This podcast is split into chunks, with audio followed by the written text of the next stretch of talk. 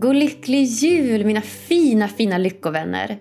Agnes Sjöström här igen och tänkte nu förgylla dina öron med lite favoriter i repris så här under jul och nyår.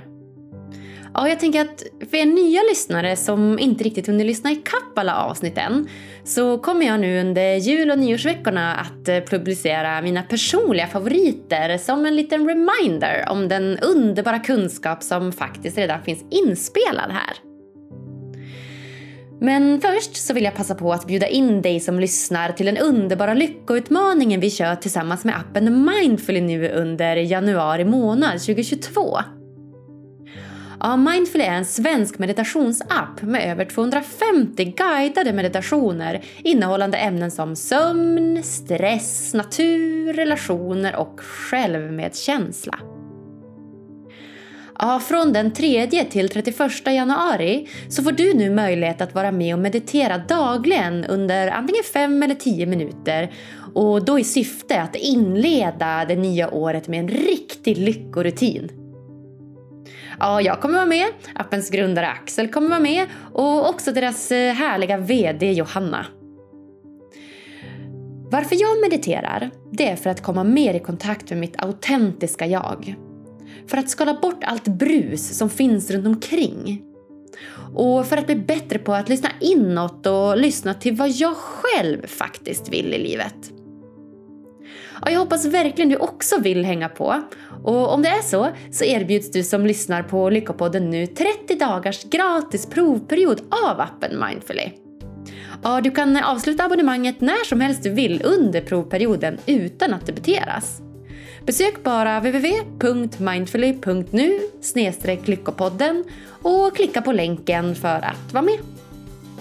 Och idag hörni, ja idag kommer ni få lyssna på kanske det mest inspirerande avsnittet ni någonsin har lyssnat på.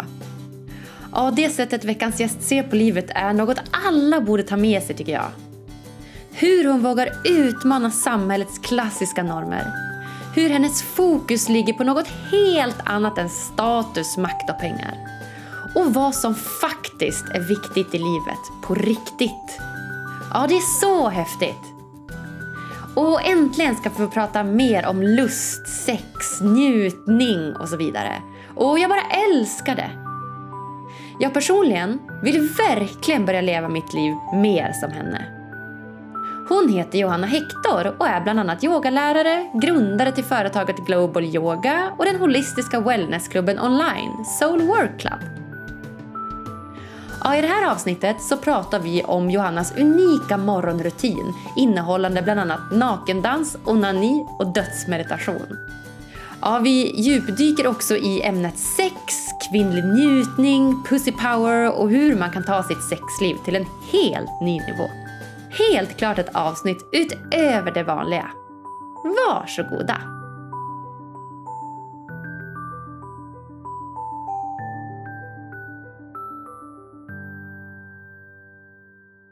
Då säger jag halli hallå till veckans gäst Johanna Hector. Tack så mycket. Gud Johanna, jag vet inte vart jag, ska, vart jag ska börja. Jag är ju så taggad på att prata med dig som du kanske märkte på mitt, eh, mitt lilla mejl igår. Ja, det var så fint. Jag blev alldeles varm. Detsamma. Det ska bli så härligt. Ja, vad kul. Vad kul. Ja, tack snälla, snälla för att du, du ville gästa. Och eh, grattis till att du har blivit med i Framgångsakademin. Ja, men vad gulligt. Tack. Ja, Kul! Det har hänt mycket sen vi, sen vi bestämde att vi skulle prata. För det hade jag ingen aning om då. Så det var ju... Nej, ja, det känns både som en eh, livstid och eh, som igår. Tid är ett spännande koncept. Ja, men det har hänt mycket och eh, ja, jättekul. Det var en enorm resa att, eh, att dels att få inbjudan till eh, akademin och sen att skapa kursen också. Mm, jättekul. Ja. Ja, jag, jag, är som sagt superinspirerad och det, det jag liksom verkligen föll för liksom, hos dig det är ju mycket att du, ja, men sättet du ser på livet. Det är som att du ja, men vågar leva ut det på ett annat sätt och har fokuserat mycket på liksom, lust och njutning och sex och lekfullhet. Det är så härligt och något som jag verkligen vill liksom, ta fasta mer på. Ja, ja mer, mer av det till oss alla. Och eh, alla delarna skulle jag säga. Eh, att, eh, att få bjuda in eh, lusten och leken och att också få komma ner och hem i det. Så att det inte bara blir uppåt. För det, det, det är ju en berg och Och att lusten och leken och njutning, att, att det är delvis en uppåt energi. Men där jag finner näringen är när vi har tillgång till djupet och rötterna i det också. Jag brukar säga att hela du är välkommen här och alla delarna, eh, det brinner jag för. Just det. Och hur, hur skulle du definiera det när man är i de här uppåt och neråt dalarna? Är det någon form av humör du syftar på då eller hur, hur tänker du där? Um, energi uh, brukar jag prata, eller ja, man kan välja sina ord. Men jag tycker det är viktigt att vi tillåter oss vara i hela spektrat. För annars så blir det så lätt att om man lyssnar på det här nu kanske, så är man inte uppåt och då kan det vara triggande. Att känna så att det, är, oh, måste jag vara där? Jag orkar inte vara där till exempel. Och eh, då, är, då kanske man tänker så här, äh, jag pallar inte lyssna på den här podden eller de här tjejerna snackar inte för mig. Men det vill jag inbjuda in till att säga, men hela du är välkommen här. Att det är okej att var är du idag då? Att vara inkännande att nej, men min energi är neråt. Det betyder inte på något sätt att det är negativt. Eller att det är mindre lustfyllt att vara där. Utan att det kan vara exakt lika josigt. Och ja, min dröm, vad jag drivs av, är att få leva i ett samhälle där vi alla är välkomna precis så som vi är. Där det inte är antingen eller och där vi går av i liksom små communities och där alla där har svart hår och klippt lugg och där har alla blont hår och solglasögon. Eller så umgås vi i de här små universumen och interagerar inte med varandra och, och tror att vi måste anpassa oss för att få lov att vara med eller vara creddiga nog eller värdiga nog. Oh, ett, fritt, ett fritt samhälle, en fri värld där, där vi är välkomna att uttrycka våra känslor och få vara i den energi som existerar i oss för tillfället. Det kanske låter flummigt, men där vi får vara vilda. Nej, men det låter ju supervettigt tycker jag. Vi pratar ofta om att vi ska så här, nå vår fulla potential. Alltså så här, mm. reach your full potential. Och för mig betyder det väldigt mycket i termer av karriär och yrke och status och pengar. Men när jag researchade på dig så hade det en mening mer i form av lekfullhet och njutning och att man mer ska liksom, ja, men ha de aspekterna av Reach My Full Potential. Vad fint upplockat. Hur kändes det? För mig, jag blev jättetilltalad och jätteinspirerad av det. Och kände att det här vill jag också mer av i livet. Och tycker att jag är ganska bra på att, så här, att fokusera på att ha kul och följa min inspiration. Men tänker att det kan ju bara bli bättre och mer. Ja, vad härligt. Ja, jag håller helt med dig att, eh, att ha tillgången till båda. Jag brukar prata i termer av framgång och tillfredsställelse. Så att, eh, för mig var det personligen så himla upplevt att jag jobbade på ett visst sätt. Jag eh, styrde mina företag på ett visst sätt. Eh, allt jag gjorde kom ifrån prestation som ledde till framgång. Vilket var otroligt eh, liksom, spännande, om jag ska välja ett ord. Och jag fick väldigt mycket cred och beröm för det det har tagit mig väldigt långt. Men samtidigt så var det inte så näringsrikt. Jag var ganska ofta trött. Jag behövde konsumera, så jag levde ett ganska så svajigt liv privat. Att jag behövde liksom fylla på med och lyx till exempel, äta lyxiga saker eller alltså liksom bre ut mig för att jag, jag bar på en hunger så även om jag var väldigt framgångsrik på ett sätt och vis så kände jag mig inte tillfredsställd. Så då började jag utforska den vägen mer, precis som du beskriver den här. Ja, men, vad är det? Vad är det för väg? Och jag brukar kalla det den feminina vägen. Det har ingenting med kön att göra, utan alla män bär på både feminin och maskulin energi och alla kvinnor bär på både feminin och maskulin energi. Så det är en energi och det feminina det ger oss tillfredsställelse och det maskulina det ger oss resultat. Och vad jag tycker är så spännande där jag är idag är att jag har tillgång till båda redskapen. Men vad jag upplever också, precis som du sa, är att just nu lever vi i ett samhälle som är väldigt maskulint. som är fokuserat på framgång, nå din fulla potential. Ja, men vad betyder det? Men då tror vi kanske att det har med siffror och resultat att göra. Som är liksom, vad tänker du? Hur tänker du i den här situationen? Och vad är din vision? Det är väldigt mycket liksom synen, blicken framåt. Medan det feminina, det frågar mer om så här, ja, men hur känns det just nu?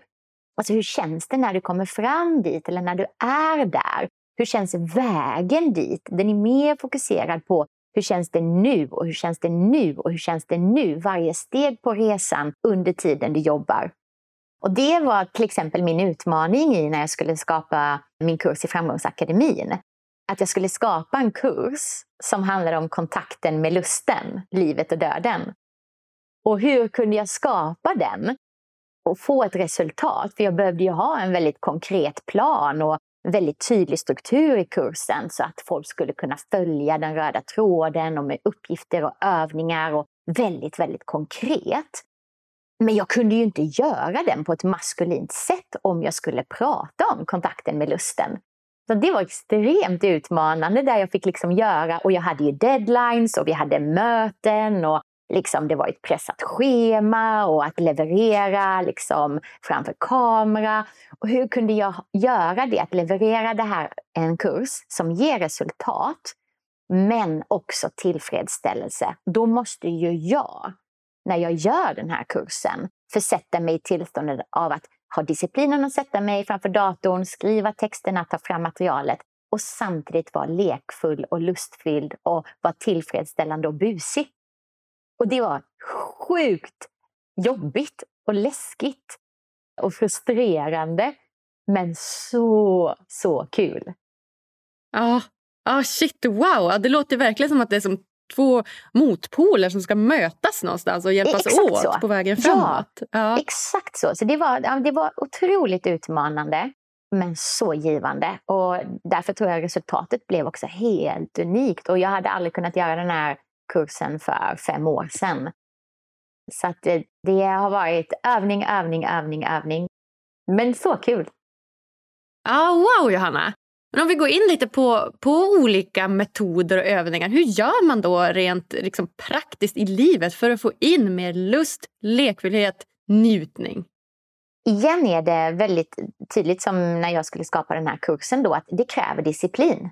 Och det är där många faller jag är ett exempel på det. Jag jobbade stenhårt, jag var sjukt disciplinerad när det kom till e-mails, till företagande, till jobb, liksom alla de delarna. Och sen när det gällde mig själv och min lust och leken, då tänkte jag så här, men det sparar jag till fredag kväll och ska det bara komma av sig självt. Och då ska jag bara lägga mig på soffan med ett glas vin eller en kopp te och så ska de här alla härliga känslorna bara infinna sig av sig själv. Exakt. Men det som hände då var att då var jag ju bara så trött. Jag var så trött efter att jag hade jobbat så hårt. Så det enda jag ville göra var ju bara liksom att stoppa lösgodis i munnen. Det som var läskigt då var ju att jag blev ju inte tillfredsställd. Utan jag åt en söt och så tänkte jag men det här är den sista. Och då kände jag att ah, jag ska bara ta en salt också. Och så tog jag en salt. Jag bara, nej, jag behöver bara en sur. Sen, sen ska jag inte äta fler. Och sen efter sur så var jag ju tillbaka på söt, salt, sur. Så, så liksom den här rotationen där man tänker så här, men snart är jag tillfredsställd. Men jag bar på den här hungern. Och det, det tog mig till slut att jag kände att okej, okay, jag insåg att lust kräver disciplin. Lek kräver också disciplin och struktur. Att vara kreativ är inte att bara släppa tyglarna och att ha all tid i världen eller inte ta något ansvar. Utan det kan alla konstnärer i hela världen skriva under på är att det kräver extremt mycket disciplin att skapa och bjuda in lek, lust och kreativitet. Så det är det första steget. Avsätt tid. Du behöver boka in en tid där du säger så här, den här timmen ska jag bjuda in den feminina energin, lusten, via hm, hm, hm, aktiviteter. Oavsett om jag känner för det eller inte. Okej. Okay. Okej, okay, okay. och vilka typer av aktiviteter kan det vara?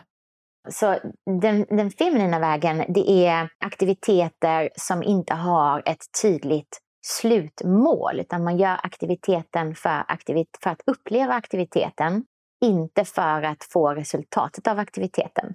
Så det är det som vi för våra västerländska hjärnor kan bli lite så här, men varför ska jag då göra det? Jo, för att uppleva hur det känns under tiden du gör det. Så till exempel, den, den första väldigt enkla är dansa.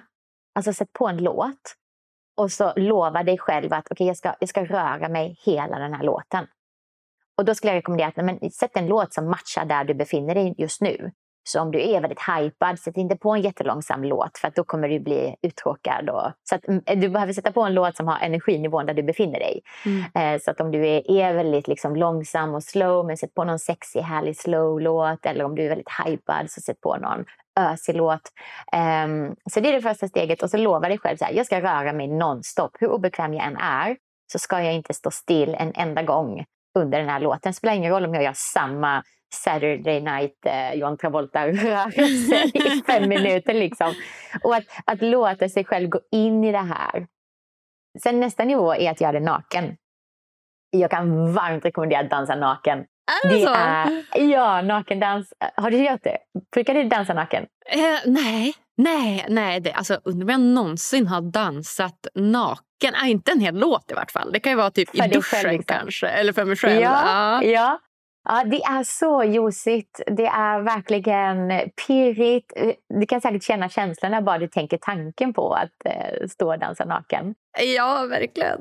Ja, och det bjuder in sinnena och det bjuder in oss i kontakten med kroppen, ner i kroppen. Och samma sak där igen, det var en övning som var en game changer för mig. Att, eh, att börja liksom, ta hand om kroppen, utforska kroppen, vad som känns bra, vad som känns sensuellt och lustfyllt för mig. Istället för all, alla liksom, som jag ser i flödena på Instagram eller Youtube eller TV, liksom, hur man ska dansa eller vad som är sexigt eller vad som är lustfyllt. Så att sluta ögonen och gå in och känna så här, men vad, vad är min kropps språk? Och sen kan man ju liksom ha eh, klä, klädesplagg som man känner sig sexig och liksom lustfylld i. Material som känns sensuella. Det har jag liksom börjat utforska mycket mer. Att, men hur känns det med lack mot min hud? Och hur känns det med fjädrar eller silke? Eller gillar jag spets? Eller, alltså att våga gå in i det i eh, kläder, vad vi har på oss. Så att mm, dansa, rörelse, är en väg in i den feminina energin. Hur det känns mot huden, beröring, samma sak där. Sen så skulle jag säga, liksom, jag sitter nu när vi pratar här, sitter jag med ett eh, läppstift i handen. Det kan vara en sån quick sak för att få in kontakten med just den feminina och njutning, tillfredsställelse att ställa dig framför spegeln och eh, titta dig själv i ögonen och ta på ett eh, juicigt läppstift och göra det och verkligen njuta av det. Äga det. Och sen också observera vad du tycker är lite jobbigt med det. Alltså var motståndet finns. Vad har du för dömande ord i huvudet? Så, men det är bara sådana här kvinnor som har sånt här läppstift eller det är utseendefixerade eller bla bla bla. Liksom, vad säger din dömande, din frontallob om det här till exempel. Det andra är doft. Att använda någon härlig olja, ta på dig en parfym som påminner dig själv om att ah, den gången i Paris eller ah, när jag var i skogen och så doftade det så här gran och jag lekte och jag var fem år gammal och tiden stod still. Och... Så sinnena skulle jag väl enkelt kunna sammanfatta det i en sån här direkt väg in i tillfredsställelse för det är så ljusigt och vi vecklas ut i sinnena där. Och nu när vi är så mycket online så behövs det mer än någonsin för vi är så mycket framför skärmar. Så det som jag doftar nu doftar ju inte du. Och den värmen jag har här hos mig är en annan temperatur än den du har. Så att även om vi kan se varandra under detta samtalet så, så upplever vi ju inte miljön runt omkring oss med våra sinnen på samma sätt. Mm. Ja, men verkligen. Men det var ju jättebra sammanfattning att man använder sina sinnen och utforskar dem mer. Och tillåter dem att göra lite mer jobbet och njutning via sina sinnen. Ja, så avsätt allt ifrån fem minuter, en kvart, en timme, liksom tre minuter. Mm. Eller bara ta så här, okay, vad smakar det i munnen just nu? Vilken position har min tunga? Hur känns det när jag sväljer? Ah, där. Ja, oh, shit. Så himla bra, så himla bra.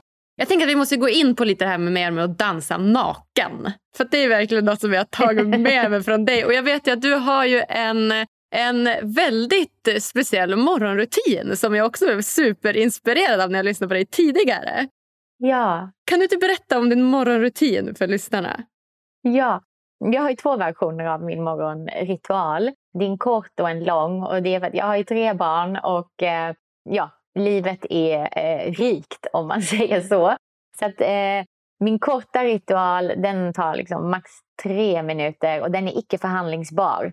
För där jag hamnade var att jag, jag älskar min långa ritual och den kan liksom vara upp mot tre timmar. Och då blev det liksom på ett sätt som många kan relatera till. Det blev, det blev allt eller inget. Så de dagar då jag inte fick utrymme att göra den här ritualen, då bara sket jag i det. Och säg att det var på en eh, tisdag till exempel. Ja, men då kunde jag till och med tycka så här, men då är hela veckan körd. kan jag lika bara, bara skita i hela veckan. men då kan jag till och med skita i att träna. Jag bara, alltså, ett, ett, ett, liksom, går man in i det här allt eller inget.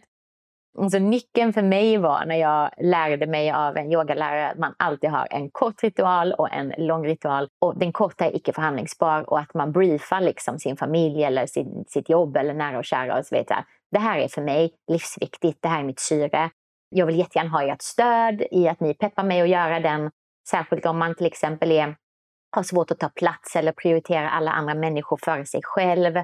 Vilket många av oss har en tendens att göra. Vi har svårt att ta emot. Vi är jättebra på att ge, ge, ge, ge, ge. Och sen i slutet av dagen har vi glömt att eh, ta emot och ge till oss själva. Så det skulle jag vilja säga. Så den, eh, den korta ritualen den gör jag alltid eh, oavsett om jag känner för det eller inte eller vad som pågår i livet. Är det en ehm, nakendans um, i den? Där är nakendans i den. Så jag, ja, det är så. Det är så. Jag går in i badrummet, låser dörren och så klär jag av mig alla kläder. Och så gör jag en lymfmassage. Och ibland så har jag såna här skrubbhandskar på mig så jag får med huden också samtidigt.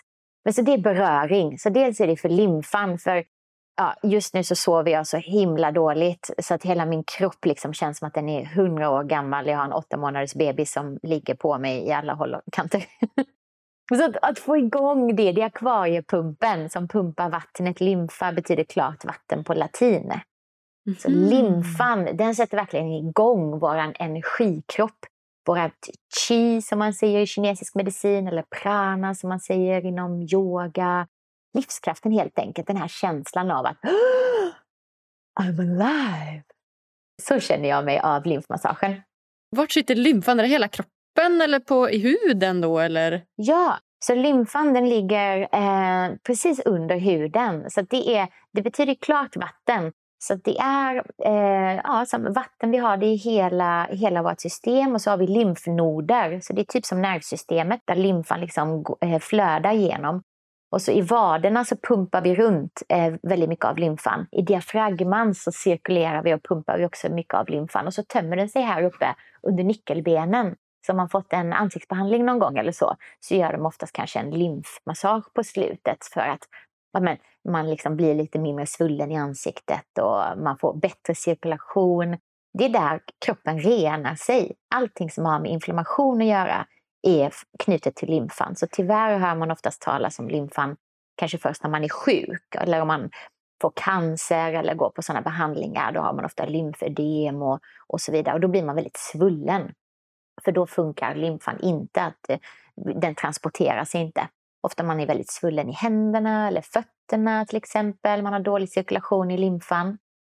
Väldigt många av oss andas ju inte med diafragman. Alltså vi andas inte ner i magen. Vi andas så här stressat uppe i bröstkorgen. Då så jobbar inte diafragman, alltså den här muskeln som sitter i botten av lungorna, då jobbar inte den fullt ut. Då får vi inte heller optimal cirkulation i lymfan. Så väldigt många av oss, vi går ju runt som lite grumliga akvarier. Mm-hmm. Grumliga akvarium. Vill man inte bo i. Nej, det vill man inte. Eller ett grumligt hav, liksom, en grumlig sjö. Verkligen inte. Så då Nej. masserar du då igång den här uh, lymfan? Lymfan, ja. Så det finns, antingen kan man eh, googla det på bara Youtube, finns massa olika klipp, lymfmassage. Det är också en jättestor del i eh, Framgångsakademin där jag pratar om lymfan och guidar den här massagen då. Så, att, eh, så den börjar jag med på morgonen. Och, då och det är fem liksom... minuter, tio minuter? Nej, en minut. En minut, okej. Okay. Ja, ja, ja, ja. Gud, ja, det har man inte tid med. Nej, det är liksom bara så här tjoff, tjoff, tjoff, tjoff, tjoff över hela kroppen. går jättesnabbt. Så det är en liten investering som gör enorma resultat för din hälsa. Okej, okay. mm, fantastiskt. Okej. Okay. Ja. Och då går jag oftast in i min nakendans också, för nu är jag ju redan naken. Och så är jag i badrummet. Och så börjar jag med att smeka mig och beröra. Och lymfmassagen den är väldigt mjuk. Så den är liksom som en varm kram för huden och kroppen. Och då går jag in i den här nakendansen och så har jag en eh, spellista där jag väljer lite olika låtar och ibland kör jag utan musik. Så eh, jag kan skicka en liten eh, spellista till dig med lite Ja. inspiration. Så kanske det finns något som faller i smaken. Men juiciga låtar oftast gillar jag på morgonen. Som är så här, mm, lite groovy liksom. Så himla härligt. Och en sak som jag verkligen kan rekommendera för kvinnor då, det funkar på män också, men det är extra för kvinnor. Det är en bröstmassage. Har du gjort det? Mhm. Nej. Masserat brösten?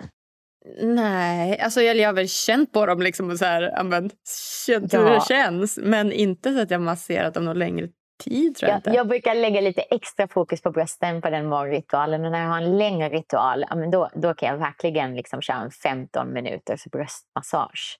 Det är helt enormt. Och det, och vi har ju väldigt mycket lymfa i brösten. Så ur ett hälsoperspektiv så är det så bra för oss.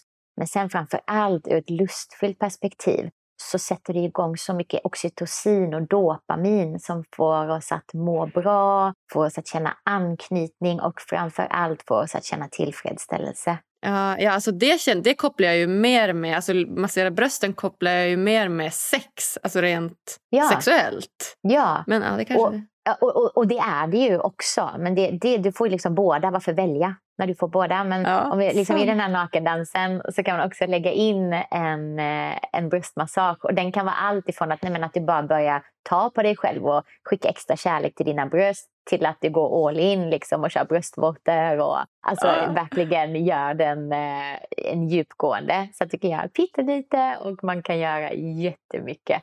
Men man kan inte göra det fel, så jag rekommenderar om man aldrig har gjort det tidigare och tycker så här, Va, hur gör man det här? Så skulle jag bara säga, bara börja. Släpp ut brösten fria och eh, Mm. ge dem eh, lite extra kärlek. Så då kanske jag lägger det 15 sekunder där på morgonen. Liksom. Så att eh, lymfmassagen, nakendansen, lite extra kärlek till brösten och sen går jag in och tar en iskall dusch. Okej. Då är det, just det, då är det back to vad heter han, Wim Hof-style eh, där. Precis. Ja. Precis. Då är det liksom, då är jag eh, varm, jag är liksom juicig och då är det så här liksom, att få gå in i kylan då verkligen, då får jag också de här endorfinerna och känner att nej, men det är bättre än kaffe liksom på morgonen. Jaha, oj, på så Ja. sätt. Oj, ja.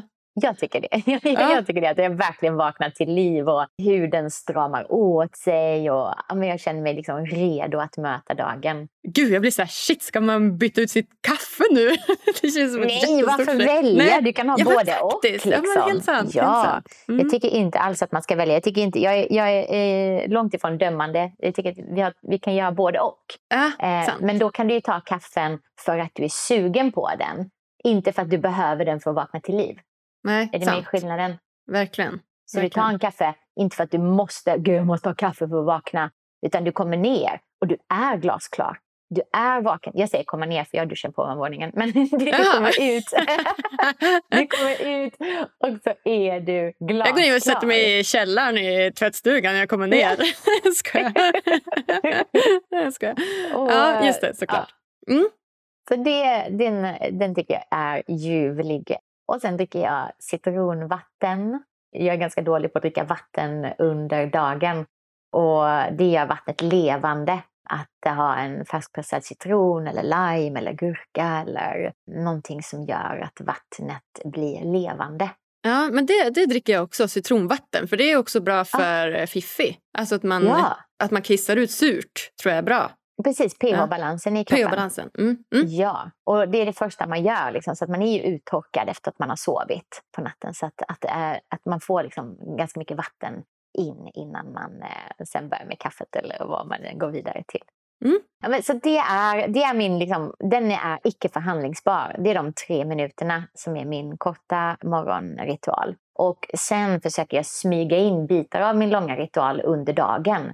Så jag tycker också det kan vara härligt att en morgonritual måste ju inte alltid ske på morgonen. Nej, precis. Det behöver den ju inte. Varför ska den göra det? Det kan ju vara när man har tid, ja. ja. Ja, så att, men ibland låser vi oss där.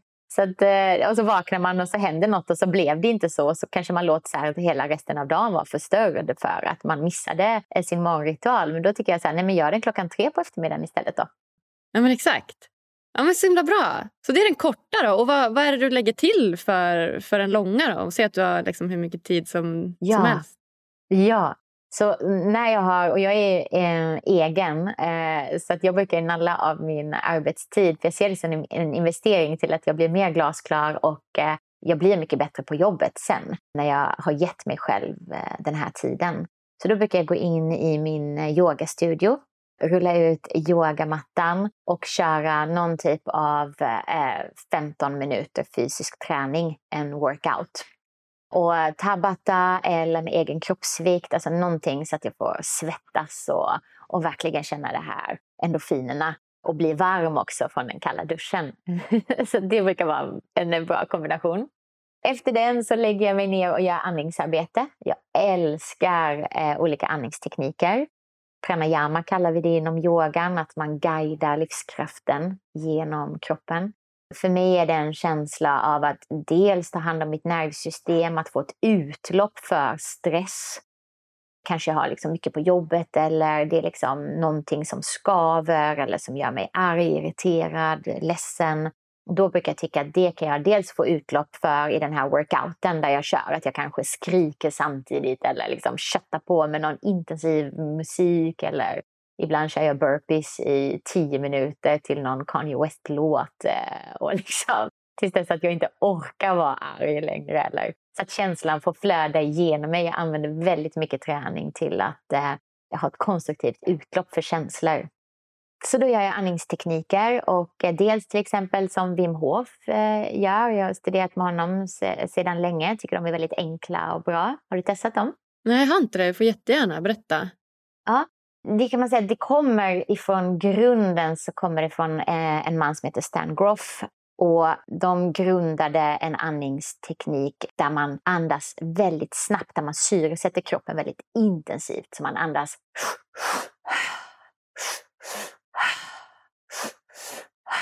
och så andas man genom munnen och så gör man så i kanske 20-30 minuter. Alltså Oj. hardcore så kan du andas så i timmar. Och det ger ju e-, enormt kraftfulla effekter. De började forska med det när det blev förbjudet att uh, forska på LSD till exempel. Mm. Så han var tillsammans med Ramdas och ja, några väldigt intressanta människor i Kalifornien tror jag det var, som, som jobbade med detta då.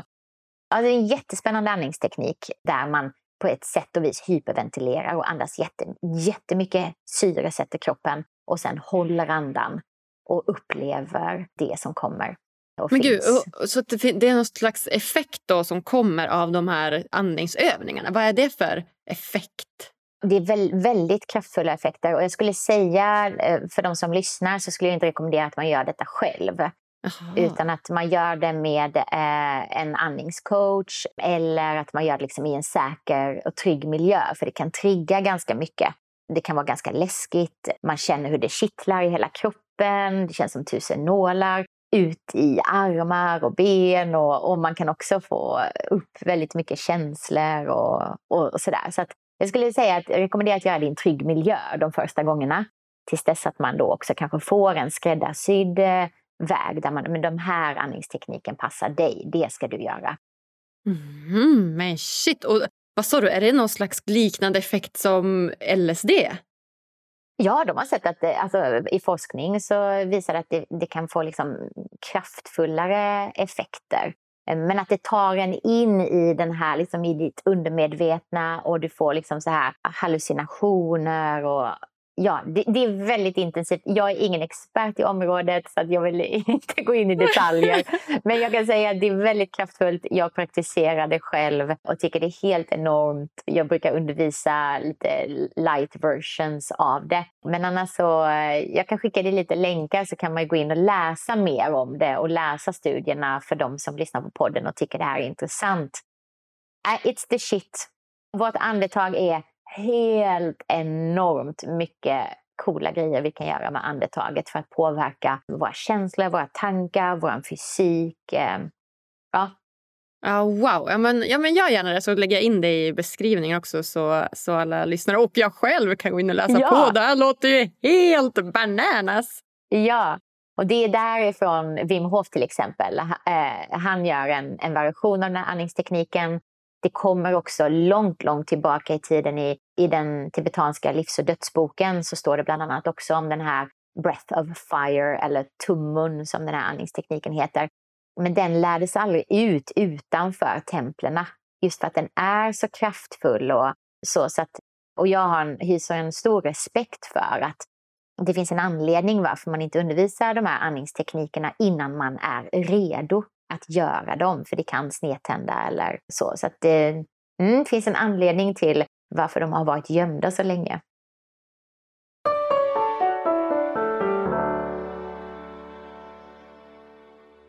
Vill du stärka din självkänsla, sova gott och må bättre?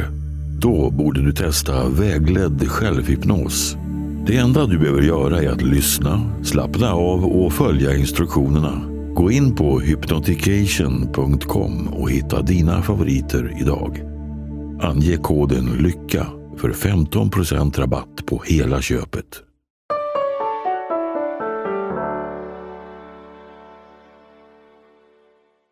Ah, shit vad spännande. Det är, och tänk andningen, något som vi bara gör helt naturligt hela tiden och lägger ju ingen fokus på. Och så kan det vara så kraftfullt. Det är ju bara helt sjukt. Det är det. Och jag skulle säga min rekommendation är att, att stärka den fysiska kroppen. Så träna liksom först så att du känner dig stark i din fysik. Det är en stor motivation till varför jag tränar, för att jag vill vara stark nog att kunna elaborera med andningen och ha tillgång till att gå in i de här olika tillstånden och känna mig trygg i min kropp när jag gör det. Så det, det är väl en, om man tycker det är intressant med de här andningsteknikerna och sånt så skulle jag säga investera väldigt mycket i din fysiska träning så att du tränar på ett sätt där kroppen blir ja, men som en stark behållare, som en vattenflaska som är stark och inte läcker. Och sen är vattnet eh, som du fyller den med, det är ditt andetag. Och då kan du liksom fylla det upp till bredden och ha tillgång till den energin. Ja, men bra liknelse. Okej, så då är det andningsövning sen då i 20-30 minuter? Ja, helst. Shit. Helst. Mm. Och den lämnar mig väldigt glasklar. Alltså nu har jag tillgång till livskraften, jag har fått jobba igenom känslorna. Istället för att säga att jag är trött så har jag kunnat känna så här, men gud, jag är sur för det här. Eller oj, där blir jag svartsjuk. Eller och så har jag fått vara det i min träning.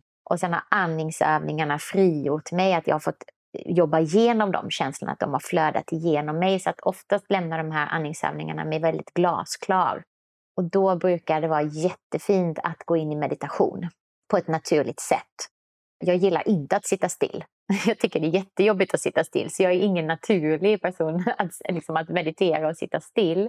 Men nu efter jag gjort de här andningsövningarna så kan jag längta verkligen efter att bara få vara i det som är. Så det är en väldigt fin tid att gå in i meditation. Och jag brukar alltid göra eh, dödsmeditationen till att börja med. Och sen brukar den leda in i andra vägar av meditativa tillstånd. Och den hörde jag ju också om dödsmeditationen. Alltså jag fick ju gåshud på hela kroppen. Alltså det var ju det, var ju det mest liksom, kraftfulla jag hört. Alltså du får jättegärna berätta för lyssnarna mer om dödsmeditationen.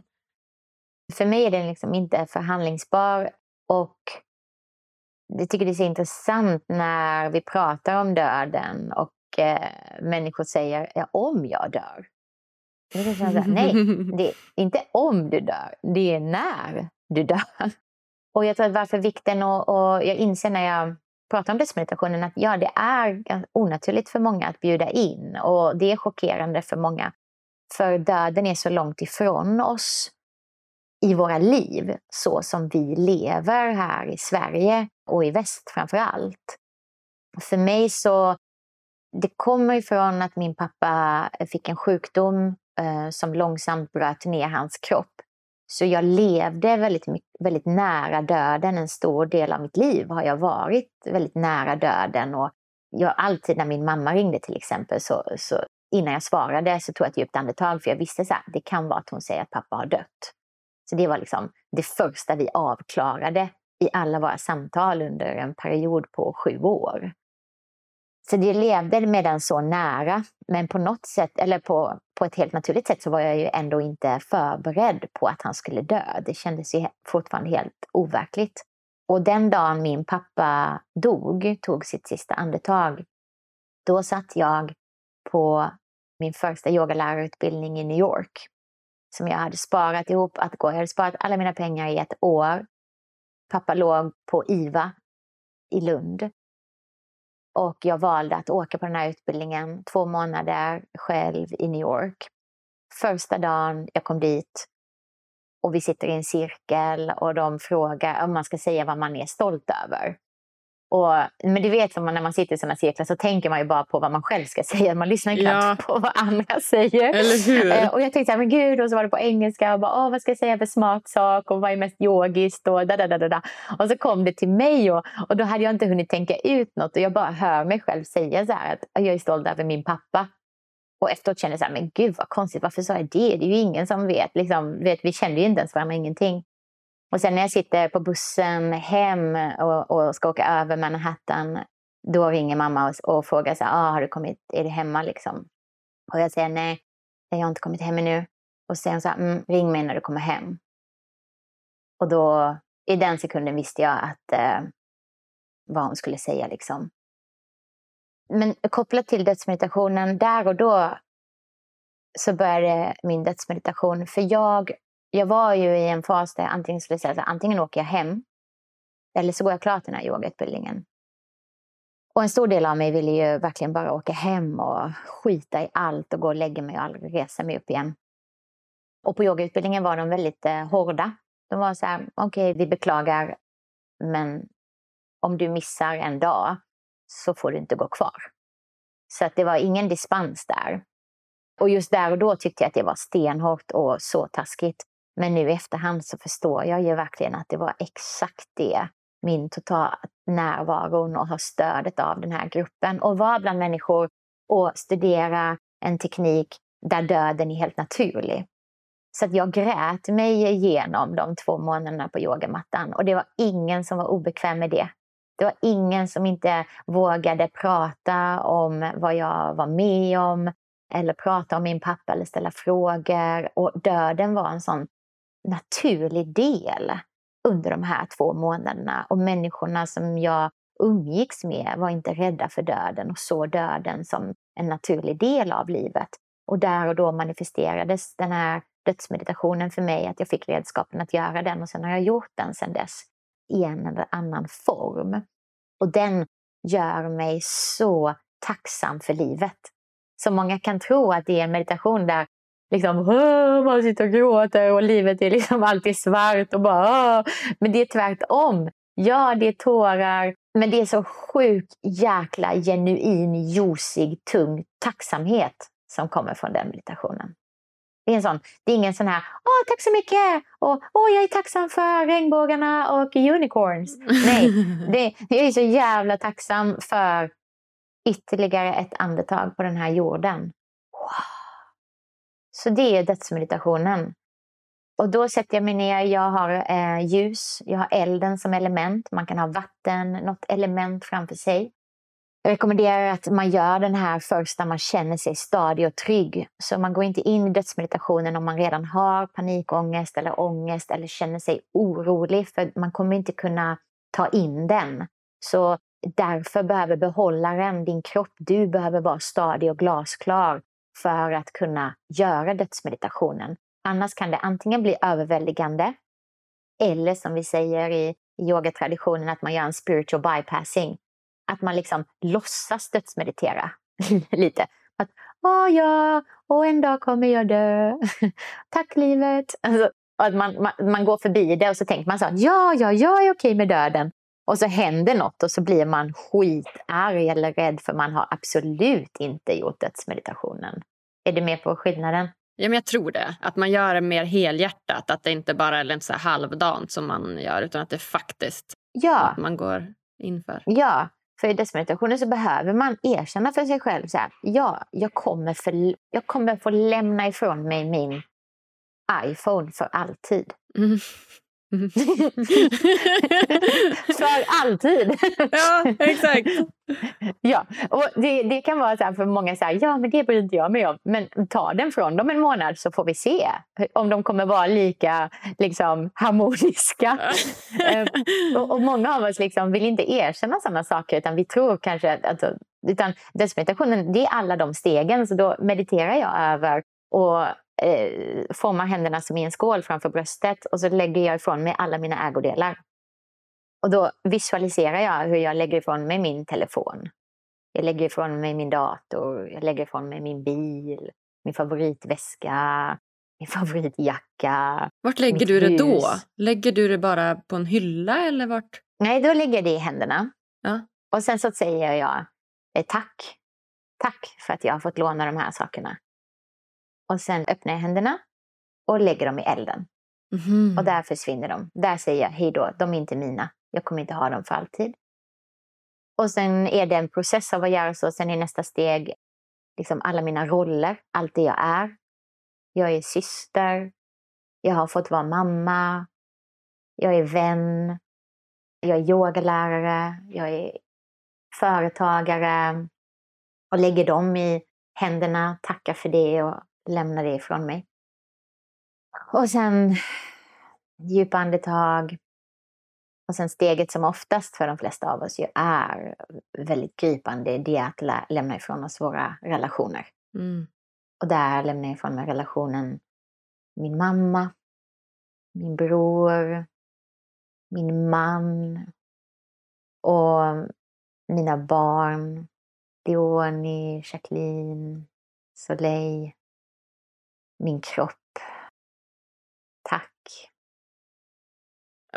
Och shit, och, och, och sen då? Sen är, är du i det då ett tag eller när kommer du liksom tillbaka till livet? Det som är där är att det är svårt att beskriva, man får uppleva det. Men jag skulle säga att det som blir är att det blir en tomhet. Och i den tomheten finns det rymd och plats. Det är ett tidlöst tillstånd. Och det, det, det, är inte helt tomt för där är ju en del av mig som är kvar. Mm. Det är det ju. Något måste ju finnas kvar. Ja. Och den delen är enormt innerligt tacksam. Mm. Och den delen skulle jag säga är den delen blir kärnan i mig som går tillbaka sen in i resten av livet. Och, och, och den är genuint lekfull. Den, den är där, istället för att liksom jag kommer ut och så är det leksaker på hela golvet. Så istället för att vara förbannad på det så blir jag så här, Oho! What's going on? Vad leker ni? Kan man få vara med eller? Woho! Nej, vad härligt! Ja, det är en helt annan... Så istället för att vara men har ni inte plockat undan? Jag sa till er. Da, da, da, da. Så blir den här genuin, genuina tacksamheten av att wow, det är leksaker på golvet. Det betyder att det är barn här. Det betyder att det är, någon, det är liv. Tack! Wow! En dag till med leksaker. Tack gode gud. Ah, shit. Tacksamhet i sig är ju något som man verkligen kan känna men också något som man ibland kan bli lite påklistrat. Och man kan ju få träna på att känna det ibland också. Det är ju liksom inget fel med det. Jag, jag skriver också mycket tacksamhetsdagbok och så. Och vissa dagar så känner jag verkligen genuint att Aha, jag är så tacksam för det här. Och ibland är det som att jag får tvinga fram det lite. Att så här, jo, men, jo, men det här är ändå lite tacksam för. Jo, men jag tar det idag. Typ om man har en lite dålig dag.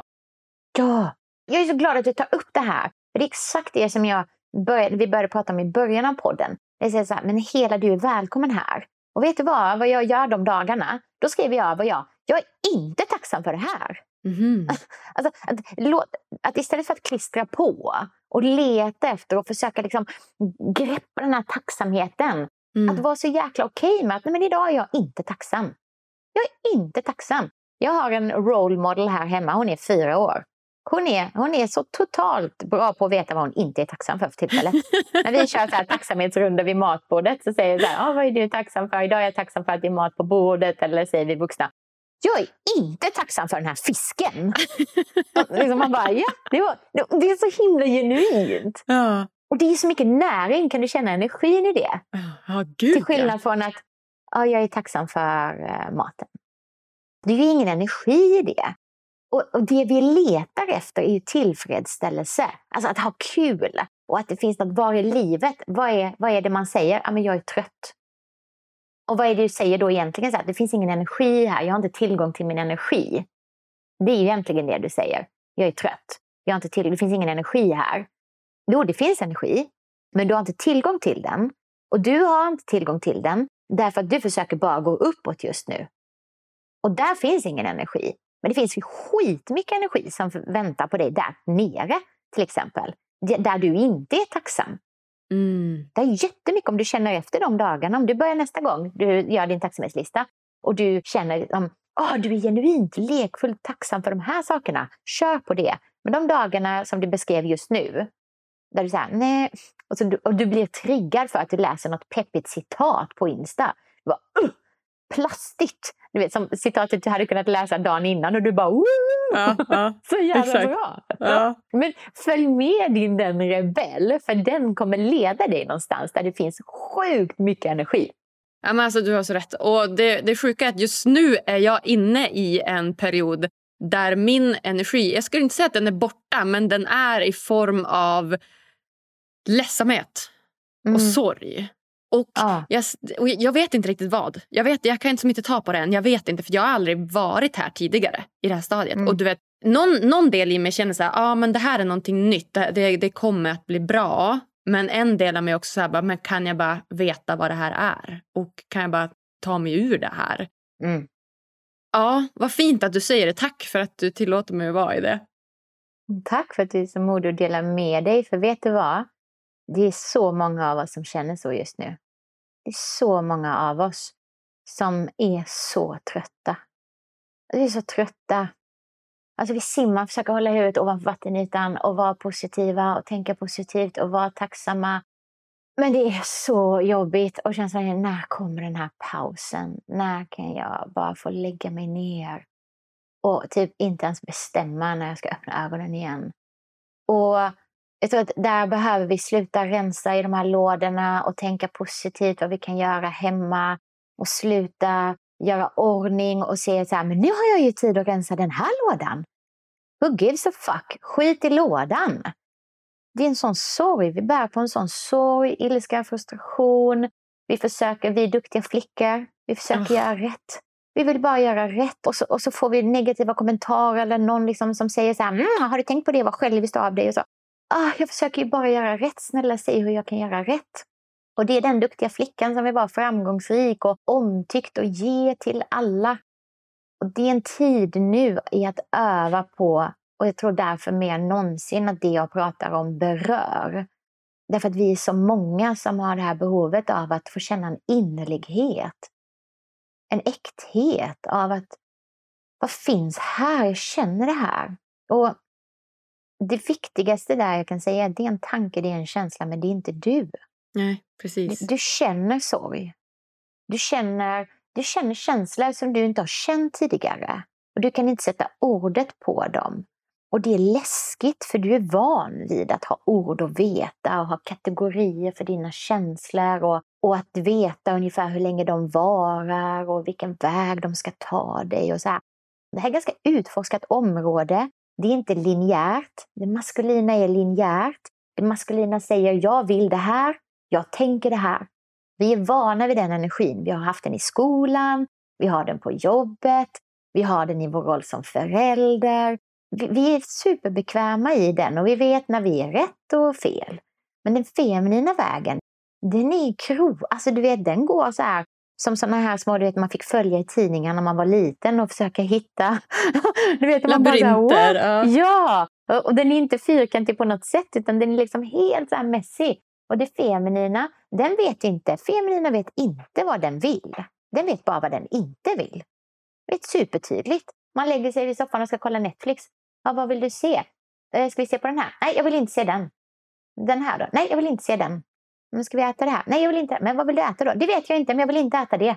Ja, just det. Ja. Ja, och det är den feminina energin. Det, det, den vet väldigt tydligt vad den inte vill. Och den känner. Och det är messy och det är obekvämt. Och, Och, och, och vi vet alls inte hur länge det varar eller vad det kommer leda till. Men vad som är tryggt i detta är att det är en viktig del av dig som längtar efter att få ta plats. Och när vi bjuder in den här delen och säger hej, jag är här. Okej, okay. wow, jag observerar det. Då har vi möjlighet att leva ett tillfredsställande liv. För det är genom känslorna, genom kroppen. Inte fastän att du känner dig lite ledsen. Det är för att Agnes att du har tillgång till att känna dig ledsen. Mm. Att du vågar erkänna det. Jag lovar, redan härifrån kommer du känna en enorm skillnad i din energi. Mm. Mm. Ja men verkligen, det, det, tror jag verkligen. Och ja, Det ska bli spännande att se vart det här leder i, i, i längden men jag, jag är nyfiken ändå. Ja. Vad det är. Ja. Det är vägen. Ja, ja, ja men vad nice. Vad härligt. Jag är lite peppad på det. Ja, men okej, så det är den här dödsmeditationen då. Är det, är det avslutet på din, på din morgonrutin? Nej. Nej. nej! Nej, nej, nej, nej, nej. Så nu har vi dött och återuppstått. Och då börjar ju njutningen. Då börjar jag onanera. Okej, då kommer onaneringen! Yes. Shit, vad härligt. Nu är man ju taggad på livet. När man har återuppstått. Ja, och då, då, det har verkligen krävt disciplin för mig att eh, börja onanera. För alla där ute som liksom har en daglig onani, eh, bara you go liksom. Jag vet att jag inte behöver prata till er.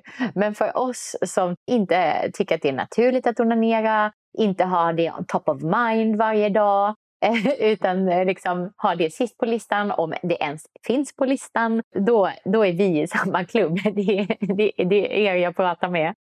För det har varit en väg för mig att verkligen bjuda in det i mitt liv. Som prestationsprinsessa, som duktig flicka och som en som älskar att få resultat. Så kan jag, det, onani var längst bak på listan för mig. Liksom. Det var någonting som bara så här, ja, nej det har inte jag tid med. Men det har varit en, en enorm, eh, gjort en enorm skillnad i mitt liv. Och de dagar då jag märker att jag liksom skjuter på den och det har gått kanske någon dag utan och jag sen kommer tillbaka till det, då är det som att jag bara... Alltså jag kan inte fatta att jag gör något annat än det här. Det är ju det här. det släpper all stress och press och trötthet. Så, ehm, och det kan te sig liksom eh, på många olika sätt. Jag skulle vilja bjuda in folk och inspirera folk till att utforska att onanera utan porrfilm och utan sexleksaker. Med det sagt så skulle jag aldrig vara dömande mot det. Men eh, jag eftersträvar en frihet i att kunna få en orgasm med porrfilm, med sexleksaker, men också helt utan det så att jag inte är beroende av det. Just det, att man kan utan också. Ja, och att, att orgasm, att det kan finnas många olika vägar till eh, dels sätt att onanera på. Det finns väldigt många olika sätt att utforska det. Att investera i bra sexleksaker. Jätteviktigt. Jag menar, alltså väldigt många av oss om man tittar så här, men, men hur mycket pengar har man lagt eh, på köksutrustning eller till att laga mat? Och där vill man ha BPA-fritt och plastfritt och så. Och så kollar man i alltså, sexleksakslådan, liksom, vad ligger där egentligen? Det kanske finns massa plaster och, och ruttna saker. Så att, eh, om det är någonting att investera i, nu, nu för tiden finns det så fantastiska härliga sexleksaker. Så att um, in och researcha där. Och eh, perfekt till önskelistan nu i, i jul. Att önska sig eh, grymma sexleksaker och leka med det. Det finns enorma grejer för klitoris. Och, alltså, som kvinnor så finns det så många olika typer av orgasmer. Jag vet ju att det finns ju grymma avsnitt som, ni, som du har i podden. Eller hur? Ja, Man gud kan lyssna ja. mer om det. Ja, ja, om sex och sånt. Ja, alltså verkligen. Ja. Det har vi verkligen. Marika Schmidt och ja, massa spännande människor. Ja. Ja, så jag är ingen expert inom det området. Jag praktiserar bara jättemycket själv. Men så himla härligt. Ja, alltså sexleksaker. Och de är så fina idag. Ja. Alltså de är som så här, ja men feminina. Alltså i sina former och färger och du vet guldkanter ja, ja, och, och rosa och liksom gummi. Ja, de är fantastiska. Ja, alltså det är det roligaste. Att, eh, min mamma passade våra barn en gång och så var de i sovrummet och eh, då hade de eh, varit där och lekt. Och så hade eh, ett barn plockat upp eh, någon jättevacker glasskulptur. Den ser liksom inte alls ut som något, den är så snygg.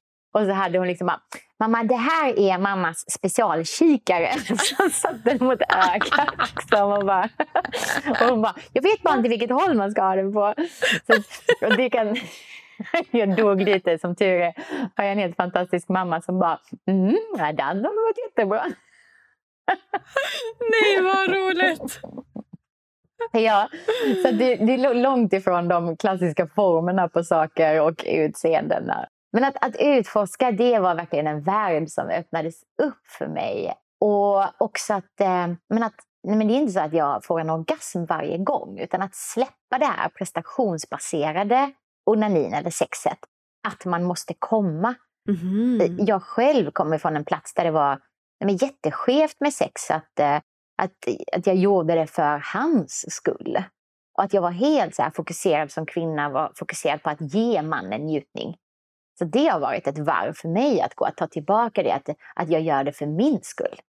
Och där har onanin hjälpt mig så mycket, att jag har lärt känna min egen kropp och vad som känns bra för mig. Och, nej men, alltså, klitoris och det är helt enormt. Och, och ur, en, ur ett jobbperspektiv så blir jag också lite ledsen att jag kan tycka att jag har gått så många utbildningar i anatomi och träning och PT och yoga och, och liksom om kost och allt. Och jag har lärt mig så mycket om kroppen och det är ingen som har pratat om vikten av klitoris eller könsorganen. Det, det hoppar man bara över. Man får liksom inte ens en lektion i det i skolan. Jag vet, det är så himla är konstigt. Helt... Alltså... Ja, Ja, jag, jag kan spåra in, jag skulle kunna prata i timmar om det här och om just det här och, och framförallt kvinnans eh, könsorgan. Jag hade ingen aning. Jag visste inte hur det såg ut.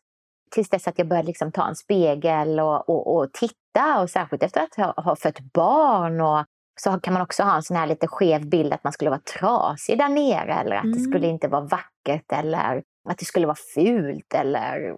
Mm, alltså vi ser ju så mycket snoppar liksom.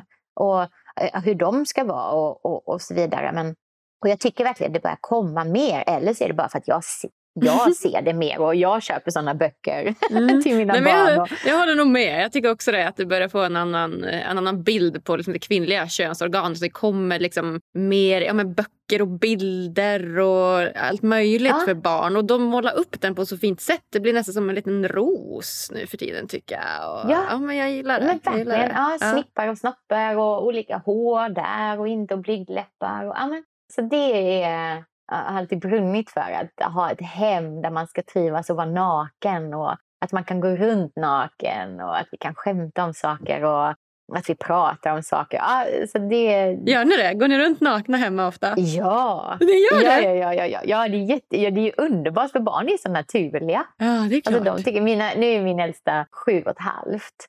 Så att hon börjar ju bli lite så här. Men att också liksom observera det och jag själv som tjej eh, jag tycker det är så himla viktigt och jag har själv en historia av en bakgrund med ätstörningar och knasiga kroppsideal och så. Så jag tycker det är så himla viktigt att vi behåller en öppen kommunikation om kroppen och vad vi tycker och tänker och att, ja, att de alltid kan komma till mig och prata om det och att, att vi kan dela och hjälpa varandra som kvinnor.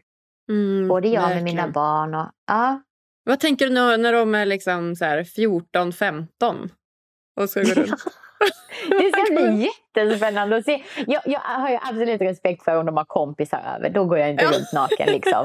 Nej, men annars, jag hoppas verkligen att, de, eh, men att det inte blir på något extremt sätt men att det blir naturligt och att kroppen mm. fortsätter vara naturlig och med njutning. Och, och sen är jag nog ganska extrem, det får jag väl. Liksom, jag, jag älskar liksom, de säger så här, mina barn vet ju precis hur man gör barn och eh, hur barn föds. Och jag menar, de, de har ju varit med och sett moderkaka och alla sådana saker. Så att, eh, jag kan inte tänka mig att jag kommer tona ner mig där i framtiden heller. Men vi får se.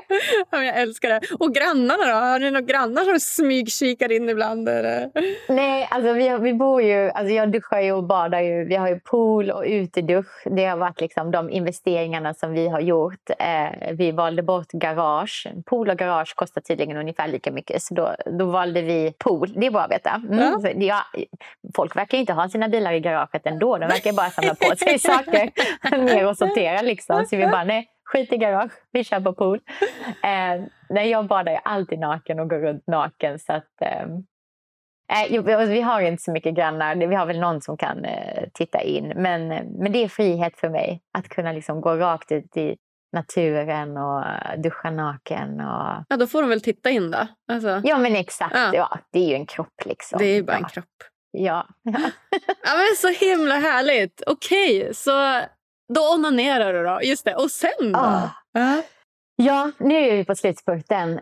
Eh, sen så efter eh, onanin då, och gärna ibland kan det ju dra ut liksom och jag älskar ett, eh, men ibland har jag liksom lite tidspress att det måste gå lite snabbare. Så att, eh, det kan ju vara allt från en lång njutningsfas, om jag har tur ibland så jobbar ju min man hemma också och då kan vi göra det tillsammans. Han får vara med i ritualen. Och, ja. så, men det ljuvliga är att jag brukar sen landa i en yoga nidra, en eh, djup avslappning.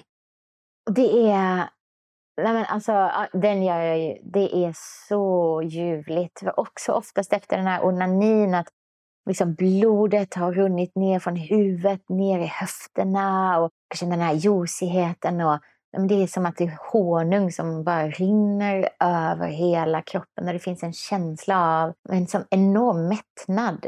Mm. Av att allt är som det ska vara och tacksamheten är där. Och, och då att få sväva iväg i en guidad djupavslappning är då så återhämtande. Så då brukar jag lyssna på en yoga nidra ungefär en 15 till 25 minuter. Ja men shit vilken, vilken rutin! Va? Alltså jag blir så inspirerad. och jag vill bara börja göra det här själv. För jag har ju också en rutin. Alltså, ja. Men den är ju väldigt mycket mer, om man då skulle säga din ord, liksom maskulin. Alltså tänker jag mig. Och det är mycket skriva ner. Och jag, jag gillar ju att skriva så att jag tycker väl att den, den funkar väl. Men det är mycket, det är igen att jag ska tänka mig till saker. Alltså jag tänker på vad jag är tacksam för och jag tänker på vad jag är glad över. Jag tänker på vad jag lärt mig. Jag tänker på många saker. Och det, det är absolut, liksom, det, det funkar skulle jag säga. Bra vissa dagar och mindre bra andra dagar. Så, såklart, som allt annat. Men men jag vill ju in i leken och njutningen och, och hela den biten.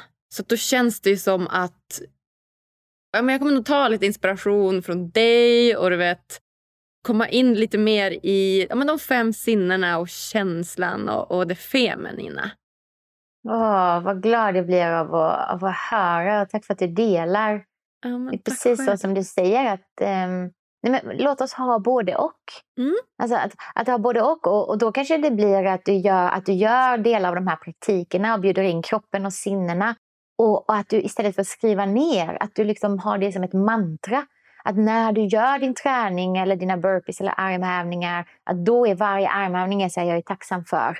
Okej, okay, jag är tacksam för, så känner du det i dina muskler, du känner det i kroppen eller jag vill, eller alla de här sakerna, som de här promptsen som du har att, att svara på, eller när du skriver. Att du får bjuda in det ner genom kroppen. Där tror jag också att du, eller jag vet att du kommer känna liksom en tillfredsställelse och hitta, liksom, snacka om att frigöra din potential. För du får ju praktisera det, så när du möter det sen ute i verkliga livet, nej, men då är det inte en tanke utan det sitter i kroppen. Då kan du möta det med den här styrkan och flexibiliteten i din fysik. Ja, ah, shit. Verkligen, verkligen. Hur lång är den här rutinen för dig? Om du kör den långa? Ja, men det kan vara tre timmar. Det kan vara tre timmar? Ja. ja. ja. Just det. Och jag tänker att där måste man som begränsa sig lite grann ibland såklart. Men, ja, och det, ja. ofta gör jag den uppdelad. Eh, och att, jag liksom, ja, att jag gör de här liksom, duschen på morgonen, citronvatten, går in, svarar på mejl en timme, Sen gå in, eh, tränar 15 minuter, andas kanske 5 minuter, gör dödsmeditationen 5 minuter.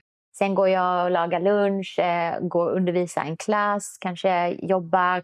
Sen eh, får jag en lucka, då onanerar jag, kör en yoga nidra på det. Det viktiga i det här, och om det är något jag vill förmedla, så är det att vi gör ju det för att vara mer delaktiga i livet. Inte för att sitta och förbättra oss själva och pilla oss i naven och, och bara liksom, jag ska vara min bästa versionen av mig, jag ska vara bästa versionen av mig, jag ska vara bästa versionen av mig. Mm. Ja, varför? Mm. Och sen går du ut och bara, nej jag kan inte vara med de här människorna för de har dålig energi. Och jag kan inte handla i den affären för det är ingen, ingen bra eh, energi där. Eller så blir vi känsligare och känsligare och känsligare. Och så sitter vi i vårt lilla glasslott där bara vissa människor är bra nog för att få lov att komma in. Och så distanserar vi oss från livet. För att vi är så himla bra och det är alla andra det är fel på. Det, det är verkligen viktigt att göra det för att kunna vara mer i livet. Alltså för att kunna ta del av livet och kunna säga ja till livet. När någonting kommer åt oss istället för att nej nu ska jag, har jag planerat det här. Säga så här, ja, okej, okay, bra, du får vara med på dödsmeditationen då.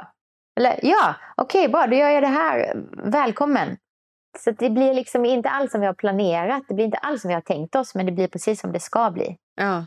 För livets planer är ju alltid mycket bättre än våra egna små planer. Så det egentligen är det ju ingen morgonmeditation, det kan vara en, en morgonritual, det kan vara en dagsritual också. Ja, att veta sina behov i livet och att veta, ja, men se det som en vecka. Det skulle jag säga. Så här. Men jag har min icke förhandlingsbara morgonritual på tre minuter. Den gör jag varje dag, för den är, vet jag att om jag, det är som att borsta tänderna. Det bara gör jag. Och sen så har jag på, på en vecka, då vet jag att ja, men jag vill onanera minst det här, alltså det här behöver jag på en vecka. Och sen på en månad, vad, vad, hur ser det ut på en månad och hur ser det ut på ett år? Ja, men på en vecka, men då vill jag att tre timmar av min tid har gått åt till det här till exempel. På en månad då vill jag avsätta i alla fall två heldagar av min tid till det här. På ett år vill jag avsätta i alla fall en vecka av min tid till det här. Så att man ser, man zoomar ut också och får det stora perspektivet. I många bäckar små. Det här är någonting som du behöver kunna göra minst i alla fall i tio år. De här redskapen funkar ju inte om du bara gör dem en vecka. Om du gör det tre timmar varje dag i en vecka och sen aldrig mer. Nej, nej det är klart. Nej. nej. Så där att vi är tillåtande mot oss själva och att vi gör det för att vi är sugna på det men att det fortfarande kräver disciplin. Både och. Då är vi tillbaka till disciplinen. Både och alltså. Ja, Oh, wow, Johanna, det är helt fantastiskt. Alltså, det, det är så inspirerande. Du vet, och det, det är som att jag aldrig riktigt har hört något liknande. Och Det får mig också gå igång och så tror jag verkligen på det. Jag, jag har fullt förtroende för det här. Verkligen. Så kul. Ja, ja. jag känner din energi. Ja, vad kul. Ja, verkligen. Och Något som jag också gått igång på väldigt mycket det är just det här ordet pussy power som du skriver mycket om.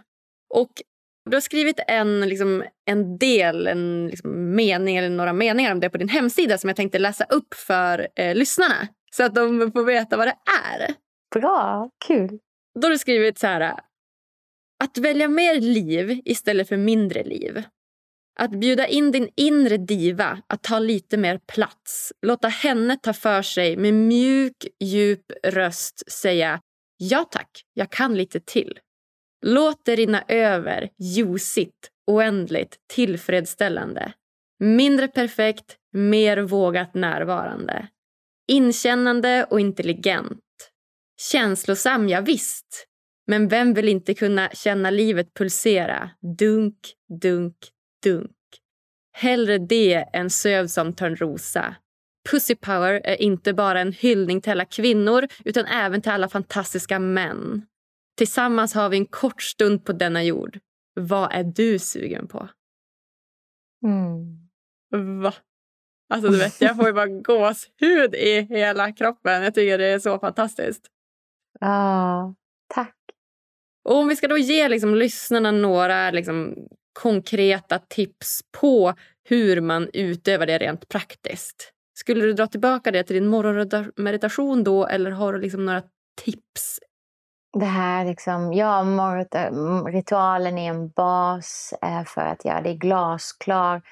Men mina Pussy Power-tips är att när någon håller upp dörren till dig så le och säg åh, oh, tack. Istället för att säga jag kan själv. Ja, jag vet att du kan själv. Men det är inte därför personen håller upp dörren åt dig. Pussy power är för mig att ta emot livet. Och men om nä, nästa gång, nu kanske man inte tar massage just nu, men eh, exempel om man går på en massage och någon frågar, så här, man lägger sig där, man har betalt dyra pengar, man tar sin tid och, och, så är man där och så säger den här fantastiska personen som ska ge massagen så här, ligger du bra? Ja! Det är inte pussy power. Du har inte ens känt efter. Vi är så ovana att ta emot och ta för oss och känna så här, men ligger jag bra? Ligger jag verkligen bra här? Och så nästa gång de frågar så här, är, är allt bra? Eller skulle du vilja, ligger du bra? Mm, vänta lite. Nej, ja, men jag skulle kunna ta en, lit, en kudde till där faktiskt, tack. Ja, Okej, okay, här får du en kudde. Ligger du bra nu? Vänta. Nej, men alltså, nej. Har du någon filt kanske? Det hade varit härligt. Det är lite ljust här. Skulle du kunna släcka ljuset eller dämpa belysningen lite? Att våga säga ja tack. Att, och det, det, jag säger detta till mig själv lika mycket som till lyssnarna där ute. Att jag påminner mig själv hela tiden till att det är styrka. Det är en styrka att ta emot. Vi är så indoktrinerade i det här, kan själv och att ge är styrka. Att det är det som är styrka och att det är svaga människor som tar emot. Och att det är jobbiga människor. Det är hysteriska kvinnor som inte kan bestämma sig som velar. Jag hade en så skev bild av det feminina som någonting svagt, som någonting som liksom inte var kraftfullt alls.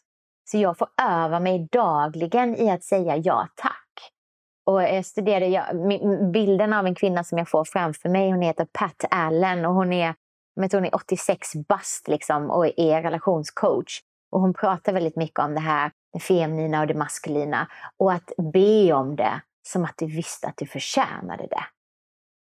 Så för mig var det väldigt mycket, jag började lägga märke till kommunikationen med min man. Att jag sa till honom så här, mm, älskling, eh, på fredag så vet jag att på fredagar är det ju egentligen du som jobbar. Eh, men jag har fått en frågan om att, att, spela in en podd då. Och jag vet att det absolut inte är så passande. Och jag vet att du har jättemycket att göra och barnen är hemma. Och ja, alltså jag kanske inte alls blir bra. Eller vad säger du? Skulle jag kunna spela in den podden då på fredag klockan ett? Eller ja, är jag i vägen då för dig? Eller? Alltså så hade jag frågat för tre år sedan. Nu frågar jag så här. Älskling, alltså jag har fått frågan att vara med i Lyckopodden. Alltså vilken chans! Det är på fredag klockan ett. Och det hade varit så ljusigt. Det hade gjort mig så glad att få spela in den då. Kan vi lösa det?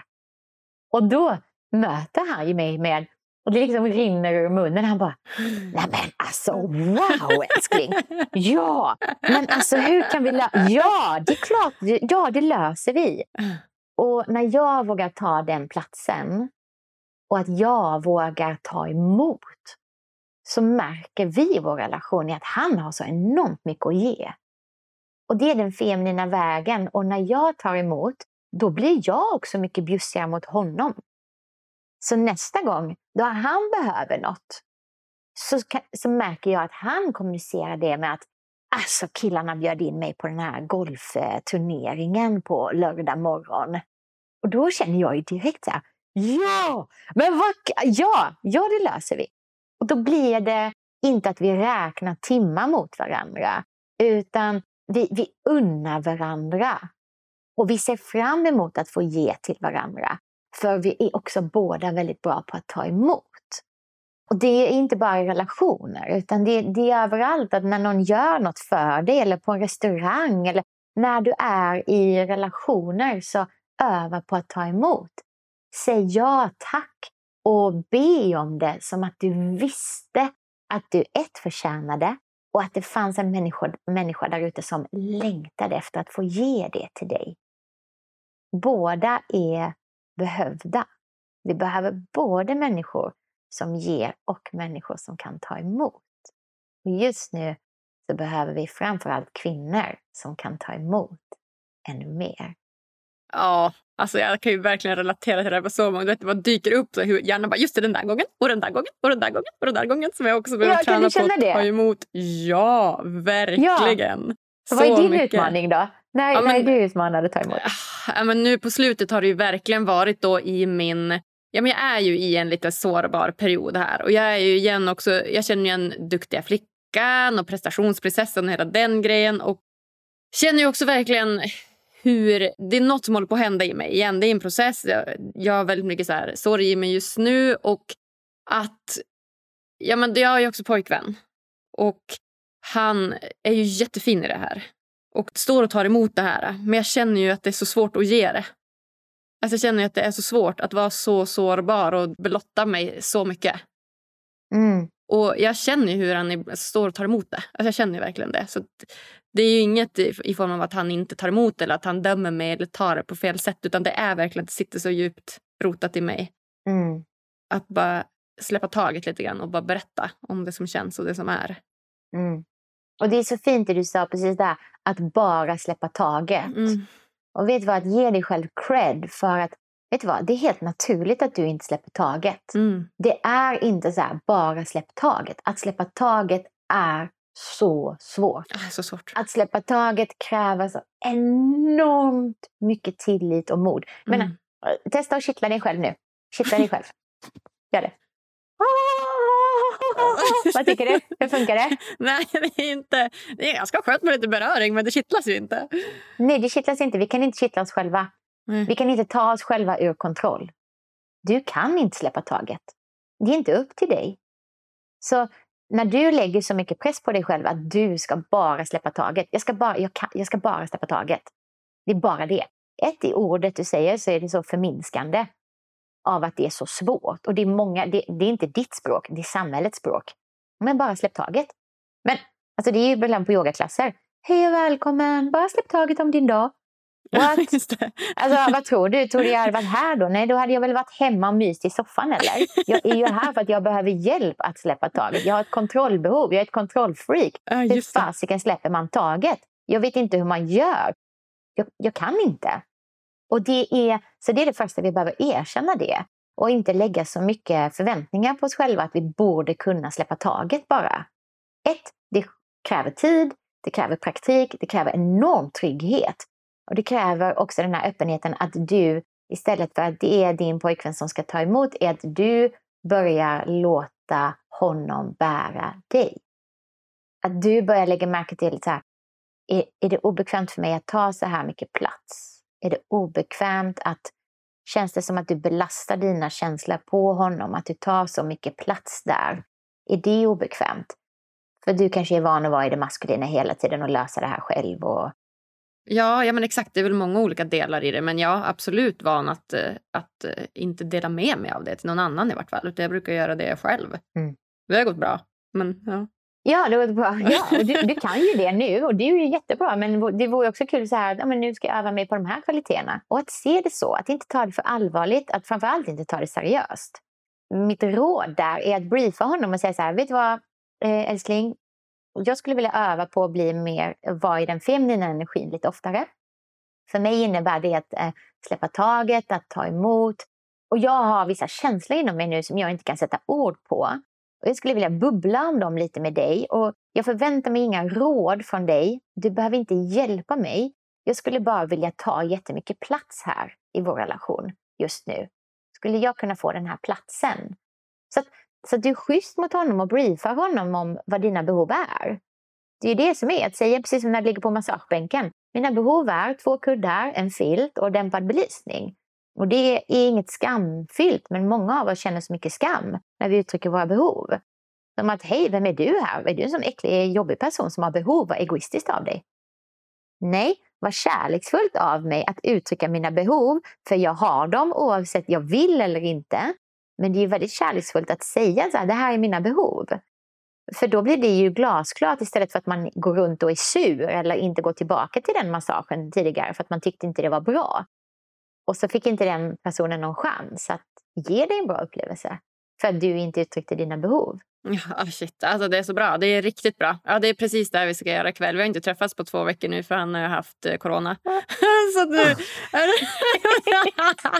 Det låter väl perfekt då att, att Ja. han kan få vara tyst och så Ja. ska du säga så här, hej, det här behöver jag. jag behöver att du bara är lyssnar och att jag får bubbla ur mig och det kommer troligtvis inte att Eh, liksom make sense at all och det är okej okay, och jag förväntar mig inte att du ska komma med råd eller hjälpa mig. Jag, jag vill bara vila i din varma, trygga famn och att du bara lyssnar på mig. Ja, exakt så. Exakt så. Alltså verkligen, det är riktigt, riktigt bra. Och sen tänker jag att jag ska spela upp det här för honom också så kan du få hjälpa mig lite. så gör jag alltid. Jag skickar en massa Youtube-klipp till min man hela tiden. Hej, lyssna på det här. det gör jag med. Lyssna på det här nu, lyssna på det här nu jag spelar in podd med ja. den här. Nu måste du höra på det här. Och han bara ja, ja, ja, ja. Och Pat, Pat, med Pat Allen när jag jobbade med henne, blev coachad av henne, då sa hon så här att jag fick ta ett wow på engelska. Ja, det är så himla bra, men det var jag i ett nötskal. Att eh, om jag vill liksom vara i den feminina energin tillsammans med min man så är jag tvungen att ta ett löfte för då ska ju han kunna liksom ta emot mig där. Och det är mer mitt jobb än hans jobb. Och mitt jobb var då att jag fick lova så här, I promise not to bitch, moan, uh, bitch, moan or uh, preach. Bitch, moan, det var något sånt. Men bitch, det gör jag inte så mycket. Och eller om det var liksom klaga eller något sånt. Men preach, jag preachar ju, min stackars man, liksom, jag preachar ju hela tiden. Jag är så sjukt inspirerad av olika tekniker och grejer. Jag skickar ju tio Youtube-klipp och poddar till honom om dagen där jag preachar. Där liksom, har du lyssnat på det här? Det här är så bra! Och, och han bara så här, han har ju liksom inte ens bett om att få få dem. och, så, och så blir jag lite sur av att han inte så entusiastisk över dem så som jag är. just det, just det. Så blir jag lack. Liksom. Jag bara, du, tycker inte, du uppskattar inte mig och allt det jag skickar till dig. Stackarn. Så det tog jag verkligen med mig från eh, Pat Allen. Att jag liksom, I promise not to preach. Så om inte han frågar nu efter den här podden, hur gick podden? Men då pratar inte jag om den. Så jag respekterar det, liksom, att, att, att, han, att han får be om det. Istället för att jag liksom bara ska gå bla bla bla bla bla och han har inte ens frågat. Nej men det är nog bra. Det är ett väldigt bra tips för nu för tiden är han väldigt mycket mer och då blir jag lite mer hemlig, hemlighetsfull också. Kan jag gå och njuta av vårt samtal? Bara. och så, efter ett tag är jag liksom så här, men, eh, men alltså vad pratade ni om i, i podden? Hur gick det? Kan du inte berätta lite? Och då kan jag säga, ja det gick bra, vad vill du veta? Mm. det är mycket mer liksom lekfull och mycket mer så här seducing energi än att jag preachar till honom som om jag var hans morsa. Liksom. Ja men sant, det där ska jag också prova. Men jag tror också att jag preachar nog ganska mycket, det gör jag nog. Men jag tror, också att, men jag tror han gillar det. Han, han, säger, han säger att han gillar det. Ja, han bara, Jaha, okej, okay, ja. ja. gud, gud vad spännande. Han är också väldigt här, inne i personlig utveckling och liksom, hur ja. man kan liksom, tänka och sånt där. Så och känna och sånt. Så ja, nej, men jag ska nog prova den också. Men du kan testa den annan. Det är bara ja. väldigt roligt, lekfullt. Och Lätt. om du lägger märke till om det blir någon annan typ av energi. För att ibland kan man ju vara med som företagspartners tillsammans. Alltså som, kompisar, att man är i den kompisenergin. Och det är ju härligt. Men om man vill komma in i mer den liksom, sexuella, sensuella, där, där, där man liksom dras, där man bara, nej men sluta prata, kan vi börja hångla liksom. Om man vill komma in i den energin, Ehm, då så kan man leka de här lekarna för att eh, tända igång det. Mm. Ja men gud, det är ju superspännande att få igång lite så här, eh, sexuell attraktion och sånt. Ja, att man liksom bara längtar efter att få slita kläderna av varandra. Ja. Mm. ja, men så himla nice. Så himla spännande Johanna. Ja, gud. Jag blir så inspirerad. Jag vet knappt vart vi ska, vart vi ska avsluta. Jag vill ju prata med dig i hundra, hundra år. Åh, detsamma. Men det jag tänker på då, om vi ska återkoppla till ämnet lycka. Om du ska sammanfatta så här, lycka, vad är, vad är lycka för dig? Det är vägen. Direkt så, så kommer ett citat upp för mig som är ett av mina, ligger mig allra varmast om, varmast om hjärtat och som jag upprepar för mig själv dagligen från en lärare i USA och hon sa What if happiness is not the goal? What if happiness is the path? Och för mig är det påminnelsen dagligen är att varför vill jag ha det jobbet eller den eh, saken eller den relationen? Men det får mig att känna mig framgångsrik. Vad händer där när jag är framgångsrik? Men då känner jag mig värdig. Ah, Okej, okay. och, och hur är det när du känner dig värdig? Men då känner jag mig älskad. så som jag är, för den jag är. Och då säger eh, min lärare, men, men var älskad så som du är nu. Lev där, nu. Du har tillgång till den känslan, nu. Du har tillgång till känslan av lyckan, nu. Bär den, nu. Och sen låt jobbet, karriären, relationen attraheras till dig. Det kommer komma på vägen. Det kommer vara som en magnet som attraherar det till dig. Men gör inte det för att du tror att det kommer ge dig lyckan. Vi gör det oftast i fel ordning. So what if happiness is not the goal? But what if happiness is the path? Att det är vägen. Så låt oss vandra den varje dag. Det är därför jag gör den ritualen. För att, som vi pratade om tidigare, att känna den genuina, genuina tacksamheten. Och det är för mig lycka. Då är det som att livet bara... Oh. Ja, så fantastiskt. Jag ser det som en... Ja, men lite som först att man behöver fundera på vägen. Att säga, okay, vad vill jag? Vill jag uppnå framgång eller vill jag uppnå det här jobbet? Lalala. Och sen den känslan det ger, att man som någonstans går tillbaka till nuet. Vad gör dig riktigt lycklig?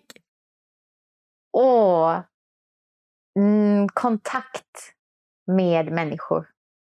Att känna kontakten med livet i relationer. Det gör mig riktigt lycklig. Äkta kontakt. Mm, närvaron. Mm. Om du fick ge lyssnarna en utmaning som de kan göra varje dag för att bli lite lyckligare, vad skulle det vara då? Säga ja tack. Att säga ja tack, jag kan ta lite till. Jag skulle vilja utmana lyssnarna till att göra det i, i vardagen. Till sig själva, om de umgås med sig själva en hel dag eller om man har relationer i närheten. Att ta emot, att öva på att ta emot under en hel dag, kanske en vecka. Stärka muskeln att ta emot. Ja, super. Vem hade du velat ska gästa Lyckopodden? Åh, vad spännande! Mm, massvis. Jag tycker Ida B Olsson. Alltså hon är ju en uh, workout is passion på Instagram. Mm. Hon är en, en, um, en, solstråle och genuin och um, talar om lycka med en, en väldigt klar röst. Ja, ah, tack. Vad härligt. Det ska, det ska jag verkligen kolla upp. Ida. Ida. Ja, nej, om man vill komma i kontakt med dig, hur gör man då? johannahector.com. Det är min sida. Där delar jag med mig av event och där finns också min e-mail. Där får man jättegärna kika runt och kontakta mig. Och sen på Instagram, att eh, Johanna Hector. Och jag försöker svara på alla meddelanden. Eh, det är helt underbart. Jag läser. Men eh, mejl och det, det brukar vara lite mer strukturerat. Så där om det är längre meddelanden så har jag bättre strukturer för det. Är det något eh, slutligen som du känner att du vill dela med dig av till lyssnarna som du liksom känner att det här har vi inte, har vi inte rört än? Eh, att säga ja och. Att inte landa i antingen eller, att det här var inte för mig. Eller, utan att, att vara nyfiken, att lä lämna med det. Att lägga märke till om det skaver, varför är det något som jag har sagt kanske som skaver eller generellt när man lyssnar och möter saker. Och att jag skulle vilja inspirera till att man behöver inte välja. Man kan liksom älska att ha yoga tights på sig och sen ha högklackat. Att, att hela du är välkommen, att alla delarna av, av dig är välkommen här. Och, och när vi välkomnar oss själva på det sättet så är hela syftet med att vi blir mer välkomnande mot andra människor. För så som vi behandlar oss själva, så behandlar vi andra. Och när jag började välkomna alla mina knasiga sidor, mina diviga sidor, mina nidiga sidor så blir jag också mycket lättare att välkomna dem hos andra också. Och resultatet är att vi har mycket roligare tillsammans och blir mycket mindre dömande. Mm, det är helt underbart. Så himla bra Johanna, va? Helt fantastiskt. Jag, jag, jag är så himla glad att du ville gästa oss och jag har fått med mig så mycket vettigt både till mig själv och min relation och till andra och jag tror att det jag tror verkligen att det här behöver nå ut till fler. För det här tror jag någonstans är någon slags kärna för oss människor. Och det är jag som tackar och tack för att du tar emot så fint och delar med dig också av din eh, personliga resa för du inspirerar så många genom ditt mod och att vi blir många där ute som kan ha kul tillsammans. Ja, verkligen. Tack, tack, tack snälla Johanna för att du kommer gästa oss här på Lyckopodden! Thank you! Nej men shit alltså. 1.45 minuter långt samtal. Stor eloge till dig som har tagit igenom hela avsnittet. Helt klart ett av mina mest sårbara och utelämnande avsnitt. Men också ett av de mest lärorika. Ja, Johanna Hector alltså. Vilken powerkvinna. Jag ska börja fila på en ny morgonrutin som går mer i det femininas tecken. Lekfullhet, njutning, lust och kärlek. För det är faktiskt det som livet går ut på, enligt mig. Tycker ni det här var lika bra som jag? Gå gärna in på iTunes eller Podcaster och ge oss så många stjärnor som ni tycker det här avsnittet förtjänar. Ni hittar oss också på alla sociala medier under namnet Lyckopodden. Och du, tack för att just du lyssnar. Vi hörs på tisdag igen. Tjingeling!